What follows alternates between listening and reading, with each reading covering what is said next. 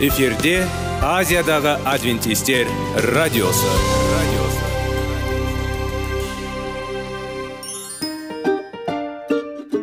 Сәлем достар. Денсаулық өмір бұлағы және біздің бірінші байлығымыз демекші денсаулық сағаты рубрикасына қош келдіңіздер. Біздің рубрикада біз әртүрлі факторларменен мәліметтерменен кеңестерменен бөлісіп шын жүректен сіздердің дендеріңіз сау болғанын қалаймыз. Сол үшін біздің рубрикаға қош келдіңіздер. Дайындалып тұрыңыздар. Өйткені келесі минуттарда қызықты фактілерге ие боласыздар. Енді достар ең бірінші байлығымызды қолымызға алып алға кеттік.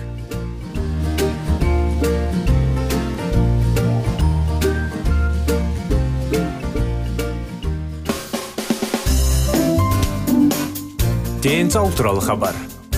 Денсаулықтың ашылуы. Күн сайын сөз үшін күшті кеңестер соңғы жаңалықтар қызықты факторлар. Біздің рубрикада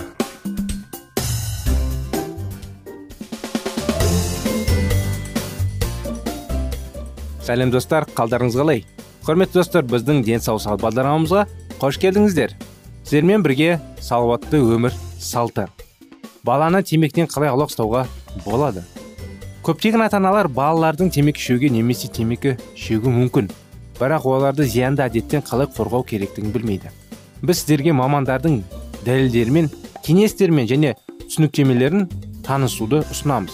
Олар сізге пайдалы деп үміттенеміз. Балалар темекі шегуге тырысады ма? Балалар мен жасөспірімдер гигиенасыз өткізген сауламалар балалардың темекі шегуге деген қызығушылығының шыны 9 және 12-13 жасқа екенін көрсетті. Сонда олар тек тырысады. 15 жылға қарай жасөспірімдер 24 пайыздан астамы темекі шегеді. Ерте жастан темекі шегудің зияны туралы балалармен сөйлесуді бастау маңызды. Ата аналар бола темекі тартпау үшін бірдене жасай ала ма? Немесе қоршаған және бұқарлық ақпарат құралдары бәрібір қайта? Ата аналар көп нәрсе жасай алады бірақ ешқандай да ескертулер мен қауіп қатерлі емес. Өз ұлының немесе қызының пікірі мен көз қарасын құрметтеңіз. Бұл оған немесе оған өзіне деген сенімге ие болуға көмектеседі. Ал мұндай бала оның түзелген құрдастарынан қарағанда темекі шегуге аз мүмкіндігі бар. Кез келген жасөспірімге ересек адам ретінде қарау маңызды жасөспірімдік жаста өзіңді еске түсіріңіз. Сіз қандай сезімдеріңіз жеңіп алды? Сіз дербестігіңізді қалай қалайсыз? Ата аналарыңыз қалай осыған қатысты? Өз жас еркекшілігіңізге жүгіну сізге ұлмен немесе қызбен дұрыс қарым қатынас жасауға көмектеседі. Ең алдымен балаға оны құрметтейтін көрсетіңіз. Мысалы егер сіз кешкі астан кейін күйеуіңізбен немесе әйеліңізбен бірдене талқыласаңыз баланың пікірін сұраңыз. Сенім қарым қатынас орнату үшін көңіл күйіңізді түсіріңіз және жас бөсірімен тең сөйлесіңіз. Ол бәрін біледі. Бұл сіздің қолдау мен түсіну сене алады. Балаға көңіл және уақыт бөліңіз. Бұл темекі шегудің алдын алудың ең арзан және арзан әдісі. Балаңызбен жиі сөйлесіңіз. Егер ол қандай да бір сәтте сөйлескісі келмесе күтіңіз. Барлық мүмкіндіктерді пайдаланыңыз. Алдымен бір бірімен сөйлеспей теледидарды көрмеңіз немесе газетті ішпеңіз. Онымен бос уақытта белсенді өткізіңіз. Спорт ойындар экскурсиялар. Темекі шеуге тырысу үшін болған кезде жанұядағы құндылықтарға ие болу үшін отбасылық түсініктерді нығайтыңыз. Балама елестетіңіз. Тыйым салулардың орнына балаға шығарымшылық және салауатты қызмет түрлерін табиғатта қарым қатынас спорт музыкамен кескіндемен және басқа да мүнделермен айналысуды ұсыныңыз. Бала үшін ең жақсы үлгі сіз өзіңіз екенін ұмытпаңыз. Егер сіздің балаңыз сізді дені сау сергек және темекі шекпейтіндерге керсе өзі де солай болғысы келеді. Бірақ егер ол күн сайын түтіндеуші әкесін немесе анасын тартатын темекіні көрсе ерте ме кеш пе ол да темекі шегетінін сенімді болыңыз егер сіздің сөзіңіз істермен бекітілмесе бұл зиянды деп ешқандай сенімдер жұмыс істемейді. Ата аналар өз балаларының болашағы туралы ойласа зиянды әдеттен бас тартуға міндетті. Мен жас аналар мен жүкті әйелдер қалай шылым шегуді көргенде қорқынышты. Алдымен бала жиі темекі шегуден зардап шегеді. Содан кейін темекі шегуге болмайтынына сендіру өте қиын. Бала еліктенген әкем темекі шегетін кезде қалай істеу керек? Егер сіз темекі шегетін ата ана болсаңыз бірақ сіздің балаңыз осы әдетке құмарлығын қаламасаңыз оған шылым шегуге туралы қалай өкінетінін айтып беріңіз. Мысалы оған жас кезінде ақымақ ретінде темекі шегіп енді тастау өте қиын. Жас бөспіріміз сіз тап болған жағымсыз салдарға. Жөтел ентігу қоғамдағы темекі шегулерге теріс көзқарас. Бала темекінің одақтас емес жау екенін көрсесін. Ол еркіндік емес тәуелділік береді. Ал темекі шегуге қарсы ең жақсы дәлел сіздің темекі бас тарту болады. Балаға темекі шегудің қаншалықты тиімді екенін көрсетіңіз. Бүгінгі күні табысты адам бұл ең алдымен дені сау және ақылға қонымды адам. Біріншіден темекі шегу денсаулықты жояды. Жаман денсаулық толыққанда өмірге кедергі келтіреді. Қыздарға темекі шекпейтін әйелдер жастық пен сұлулықтың ұзағырақ сақтайды деп айтуға болады. Олар жақсы терак тістері таза тыныс күшті дене бар. Мұндай әйелдер дені сау болады балдарға атақты спортшылардың мысалға келтіруге болады. Олар шылым шегетін болса жоғары нәтижелерге қол жеткізер еді. Екіншіден темекі шегу қымбат әдет. Темекі шегетін адам аптасына орташа 300-400 рубль жұмсайды. Егер есептесе бір жыл ішінде лайықты сома түседі. Біздің өзімізде де 300-400 теңге тұрады темекі. Үшіншіден темекі шегу жұмысқа кедергі келтіреді. Көптеген темекі шегушілер қате деп санайды. Үзіліс кезінде темекі шегу кезінде ми улы газбен уланып жеткілікті оттегі алмайды. Сондықтан жақсы жұмыс істей алмайды. Төртіншіден темекі шегу уақытында алды. Темекі шегетін адам күніне кемінде бір сағат аптасына жеті сағат жұмсайды. Ал оларды өзіне және отбасына пайдалы жұмсауға болады. Уақыт өте келе болған осы мысалдар келтіріңіз. Және оның бойында темекі жоқ өмірдің артықшылықтары туралы тұрақты түсінік пайда болады. Темекі шекпеу жас өспірімдер темекі шегуден жақсы алдын алу. Барлық айналасында немесе кем дегенде темекі шегуге тырысқан кезде өзінің ұстану қиын. Ал егер сыныптастардың немесе достардың ешқайсысы тіпті темекте тартпаса оның әлсіздік пен ақмақты деп санаса. Содан кейін сіздің балаңыз мұндай компанияда бұндай достармен тек күлдіргіштердей шақыратын нәрсемен ерекшеленуге келусі екі талай мінекей достар құрметті біздің радио тыңдаушыларымыз бағдарламамыз осымен аяғына келді. Бұның тақырыптарды кеңестерді қандай мәселелер жайлы болып жатқанын келесі жолы жалғастырып береміз. Келесі жолға дейін сау сәлемет болыңыздар.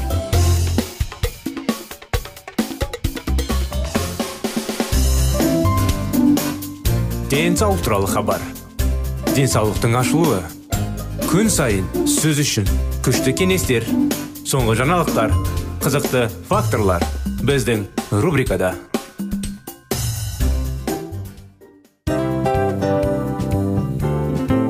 Әуелі байлық денсаулық екінші байлық он саулық үшінші байлық ақ жаулық. Ал енді осындай радио парақшадан кейін не дейміз? Барлықтарыңызға денсаулықтарыңыз зор болсын деп тілейміз. Денсаулықтың өзгеруі кішкентай нәрселерден басталады. Осымен біз берген кеңестер мен мәліметтер шын жүректен сіздер үшін қандай да бір болсын жәрдем берді деп үміттенеміз. Тыңдаушыларымызбен келесі радио парақшасына дейін қоштассамыз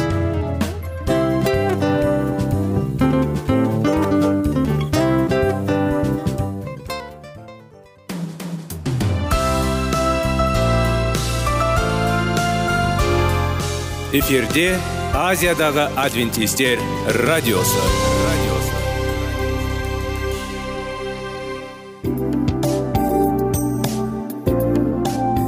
Сәлем достар.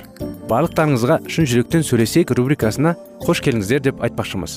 Шын жүректен сөйлесейік бағдарламасы әртүрлі қызықты тақырыптарға арналған. Шындығында шын жүректен сөйлесейік деген сөздің мағынасы екі достың екі адамның ортасындағы шын жүрекпен сөйлесуі бір біріне сенуі ашықтық пен шындықты білдіреді. Сол үшін біздің бағдарламалар әртүрлі қызықты тақырыптарға арналған. Дайындалыңыз жаңа қызықты мәліметтерге ие болға ондай болса кеттік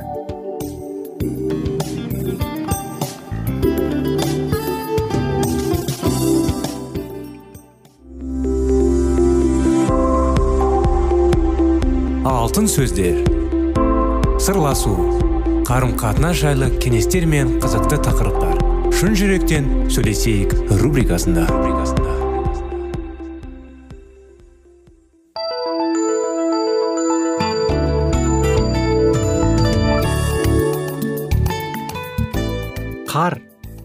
Қылаумен өседі бала сылаумен өседі таяқтау оңай тәрбиелеу қиын. Дұрыс қанттаған тұзу ұшар. Балаға өз тілімен сөйлеме өз тілімен сөйле. Ассалаумағалейкум армысыздар біздің құрметті достар құрметті радио тыңдаушыларымыз. Сіздерменен бірге шын жүректен сөйлесейік бағдарламасы. Шын жүректен сөйлесейік бағдарламасында баланың жүрегіне бес қадам тақырыбы. Бүгінгі күнде балалармен өте қиын. Қиын дегенде кейбір балалар өз беттерімен өседі. Кейбір балалар мінез құлықтары әрқалай кейбіреулер ата аналар әрине оларды таяқтайды бұрышқа қояды ұрады соғады. Оның бәрі өкінішті кейін бала өсе мінезі пайда болғаннан кейін сізден алыстайды. Сіз балаңызды танымай кетесіз. Балаңыз сіздің балаңыз болғанымен де ол да әрине сіз оның анасы ата анасы болғандықтан сізді қалай болса да бір сыйлайды.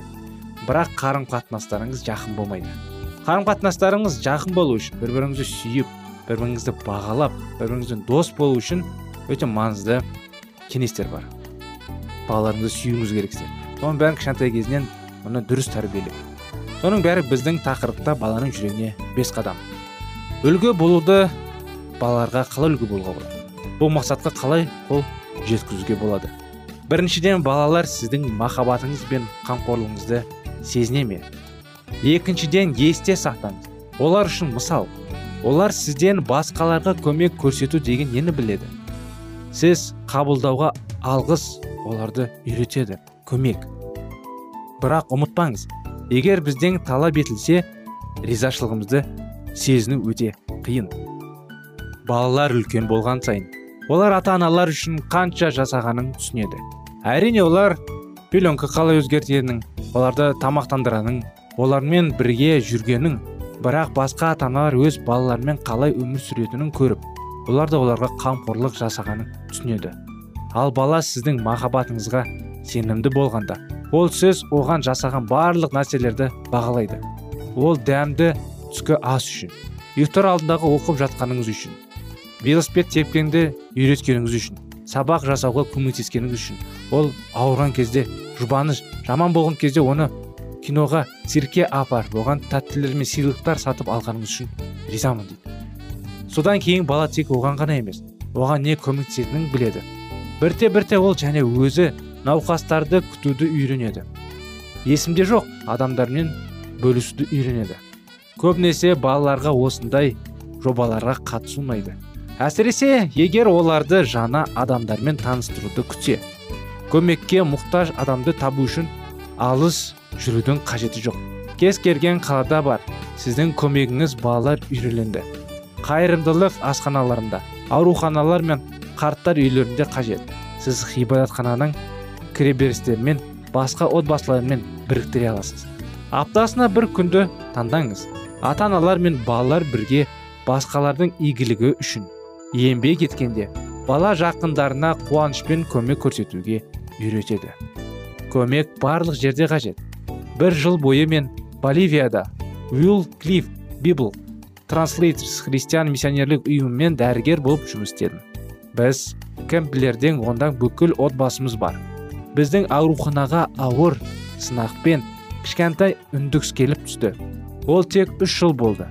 Бір жарым ай бала гипсте жатты. Миссионерлердің балалары оларға мұқият қарады. Басты тосын сый мені рождествоға күтті. Біздің керри ол кезде оған алты жыл болды. Сыйлыққа қуыршақты алды. Сол кезде оны науқас баланың әкпесіне берді. Ал ол осы қуыршақ туралы армандаған еді. Баланың мінез құлқын өзгерту миссионерлер бірінші кезекте басқаларға көмек көрсету ниетін қозғайды. Ата аналар баланы риясыз үйретеді. Олар өзімшілдікті нығайта алады. Біз көмектескен кезде біз мұқият болуымыз керек. Біз жай ғана жақсы көреміз. Егер ата аналар балаларға көмектессе олардың мінез құлқыларына риза болғанда бұл көмек бірақ ол махаббат туралы айтпайды. Осындай ата аналарға қарап балалар түсінеді. Адам басқа адамға пайдалы болғанда ғана көмектеседі. Баланың мінез құлқы ата аналарды қанағаттандырмайды. Адамды өзгертуге мәжбүр ету үшін өте қарапайым психологиялық тәсіл бар. Сіз оларға риза болған кезде сіз оны ынталандырасыз. Он үш он күш бересіз. Ол сізге ұнтамаған кезде ұнамаған кезде сіз оны жазалайсыз теріс күш бересіз. Құйрықпен дәмдеуші саясты алайда балаларды тәрбиелеуде бұл әдісті қолдану өте сақ болу керек. Егер бала жаман әдеттен бас тартқысы келмесе оны көріңіз. Басқа жағдайларда оған баруға болмайды. Әсіресе егер бұл көмек туралы болса балаларға көмектесіп тек өзін жақсы ұстағанда сіз оларға айла жарға жасайсыз.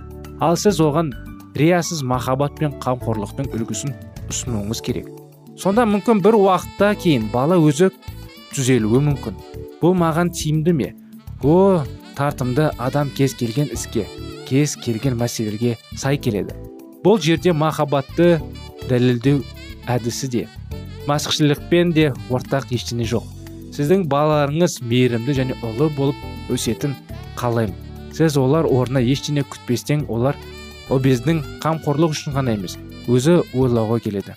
Сонымен қатар сіз бұл біздің есептегі өзімшіл қоғамда мүмкін бе? Күмәндаңыз. Иә бұл мүмкін бірақ көп нәрсе сізге байланысты.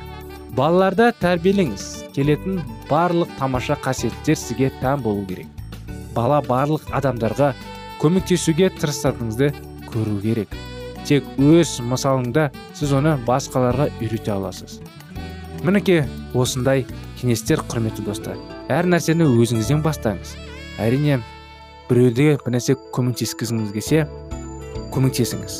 Ешқандай ештеңе тілемей әрине біреу сізге көмектессе әрине рахметін айтып сіз де балаға көмектесіңіз бала да сізге көмектессін. Бір біріңізге дос болыңыздар. Мінекей осындай кеңестер осымен бағдарламамыз аяғына да келіп қалды. Сіздерді келесі бағдарламада күтеміз. Келесі жолға дейін сау болыңыздар.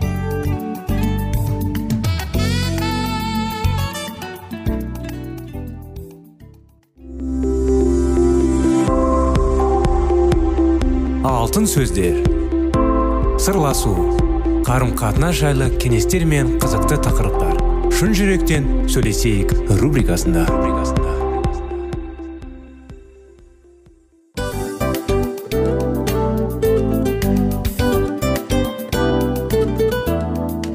Құрметті достар барлық ең соңғы кеңестер аяқталған соң біздің программамыз соңына келіп қалды.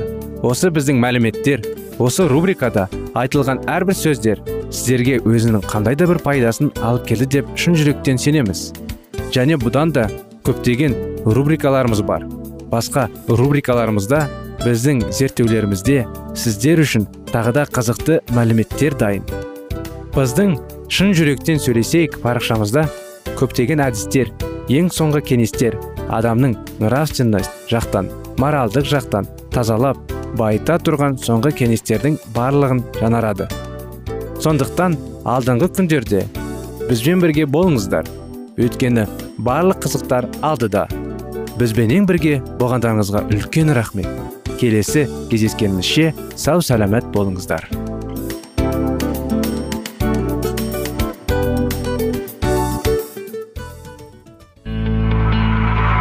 Жан дүниеңді байытқан жүрегіңді жаңғыртқан өмірдің мағынасын ойландырған рухани жаңғыру. Рубрикасы.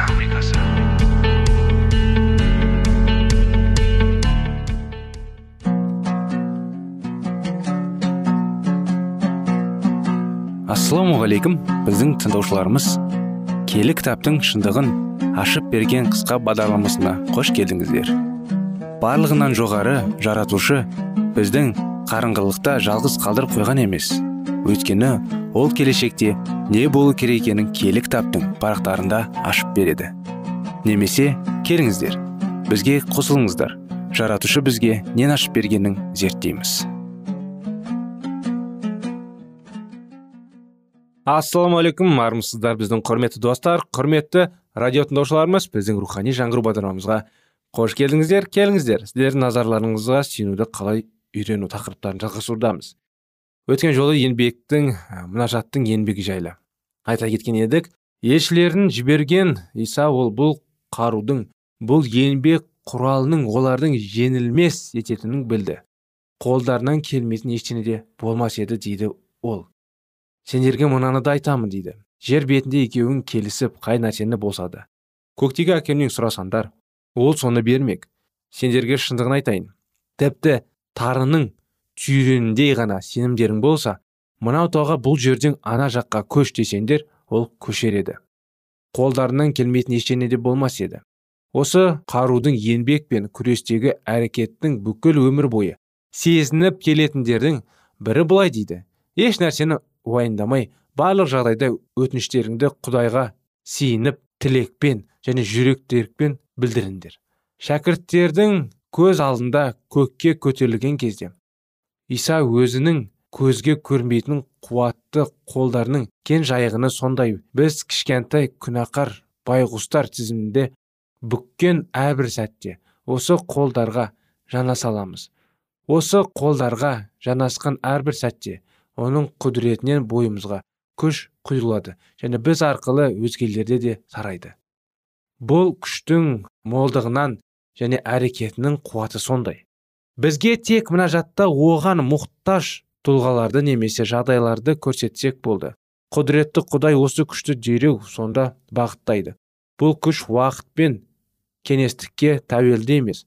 Олар үшін мұнажат еткен көзімізде алыс елдердегі немесе кез келген олардағы бауырымыз бен әпте қарындастарымыз осы күшті сол сәтте алады. Бұл қуаттың өнертапашылығын қиялы етпес самсыз біреулі. Исаның достары үшін бұл қару исаның дұшпандарына қол жетімді еместігімен де құнды. Бұл жерде оның рақымы деген даналығы көрміз. Егер кез келген адам оны өзінің бүлдіруші жоюшы мақсатына қолдана алатын қандай сұмдық болар еді? Жоқ күштің осы арқылы мас кезіне тек оның достары ғана қол жеткізе алатынына еніп бәрі қарастырылып қойылған. Егер достары осы күшті исаның еркіне және жоспарына сай емес қолдануға талпынса құдай достарының осы күшпен байланысы бірден үзілетіндей етіп қойды. Тек құдайдың еркіне сай нәрсені сұрағанда ғана мінажатымыздың естілуі мүмкіндігі бар. Мінажат арқылы осы күшке қолымыз жететін біздердің жердегі сапарымыздың барысында көктің осы күшінің әрекетін оған мұқтаж болып отырған бүкіл дүние тартуымыз құдайдың еркі болып табылады. Құдайдың жоспары бойынша біздің кішкентай өміріміз оның батасының мінәжатымыз арқылы айналымызға тарайтын үздіксіз ағысы болуы тиіс. Исаның алғашқы достары секілді иерусалимнен бастап жердің шетіне дейін жетуге тиіспіз. Осылайша оның еркі біздің өз үйімізден бастағанымыз егер олардың өмірлері жеңістерге емес жеңіске толы болғанын қаласақ онда жақындарымыздың арасында күн сайын жүрген біздер солар үшін сұраған мінәжаттар арқылы оларға осы құдіретті күш туралы айтып отыруға тиіспіз. Құдайға біз ием оларға бір жақсылық сыйлашы. Менімен бірге тұрып жатқандар оған өте мұқтаж. Оларды жақсы көре тұра қарым қатынасымызда мен кейде оларға өзімшілдік танытамын және жеткілікті дәрежеде құрбандықтарға бармаймын деп айтуымыз қажет. Сонда үйіміз жақсылықтың рухына кенеледі. Өйткені құдай біздің мінәжаттарымызды естиді және ол өзінің рақымын үйімізге төтетін болады. Сонда осында тұратын біздің қателікке бай ұратын кемелді емес екенімізге қарамастан үйіміз кішкентай жұмаққа айналады. Бірақ көптеген сенушілер бұлай өте алмайды. Балалары қуанышты үйден тыс жерлерден іздейді. Құдайдың мұндай үйге айтатын бірінші сөзі мынау болар еді. Емденбейсіңдер өйткені оны құдайдан сұрамайсыңдар. Сондай ақ біздің көршілеріміз жайлы ойлауымызды да құдайдың еркі болып табылады. Таңертең оларды көрген кезде біз құдайға ем көршілеріме батаңды берші. Бүгін олардың ең мұқтаж нәрселерін сыйлашы деп сүйінуіміз қажет. Егер біз көршілеріміз үшін осылай өтінетін болсақ көршілеріміз тіпті онша жағыңды адамдар болмаса да мұнажатты маздың әрекетін көреміз. Норвегияның кейбір жерлерінде еңбектеріне құдай батасын берсін деп сәлемдесу әлі күнге дейін сақталып қалған. Күнделікті айтыла бергеннен кейін әбден құлаққа сіңісті болып адамдар бұл сөздің мағынасы ойламайтын да болуы мүмкін. Бірақ осылай сәлемдесу алғаш шыққан кезде адамдар манайындығылардың еңбектері үшін құдайдың батасын сұрау тілегін сезінетін. Еңбектің оңай шаруа емес екенін білеміз. Сондықтан осы тілекті қазір біздің де сенуіміз қажет. Кейде ол тіпті өте ауыр болады. Сондықтан жұмысты жақындарымыздың бірін кездестіргенде біз құдайдың оның жұмысын жеңілдететін және көбірек табысқа жетуіне көмектесетін қайрат беруін сұрауға тиіміз. Біз қайда барсақ та әйтеуір бірдене жетіспейтін адамдарға кезгеміз егер құдай бізге тіпті жасырым мұқтаждықтарын да көретін сүйіспеншілік көзін сыйға бергенде онда айналамыздан көргендеріміздің бәрі бізді мұнажат етуге жетелеген. Болар еді. Бұл құдайға сиініп оған достарымыз бен дұшпандарымызға не жетіспейтінін айтқан болар едік. Сонда құдай оларға біздің сұрақтарымызды беретін еді. Ол мұнажатты осылай етті сондықтан да құдайға үздіксіз сиыныңдар делінген. Густав дженсон бірде мынандай әңгіме айтты. Көп жылдар бұрын ослода бір қауымға шығын шағын үй салынды. Үй қаланың сыртында ал жұмыс орның қалада. Орналасқан бір сенуші кәсіпкер қауымның құрылысы біткенге дейін. Күн сайын бірнеше минутқа құрылыс алдына кіріп шығады. Сол жерде ол жұмысшылар үшін кейіннің осы қауымда қызмет еткендер үшін және құдай сөзін тыңдауға жиналатындардың бәрі үшін мінәжат етеді. Бұл адам мінәжат құралын қолдануды үйренді. Мінекей осындай оқиға осындай кеңестер ал бұл оқиғаның жалғасын келесі жолы жалғастырамыз құрметті достар. Өкінішке орай бағдарламамыз аяғына келді. Келесі жолға дейін сау болыңыздар.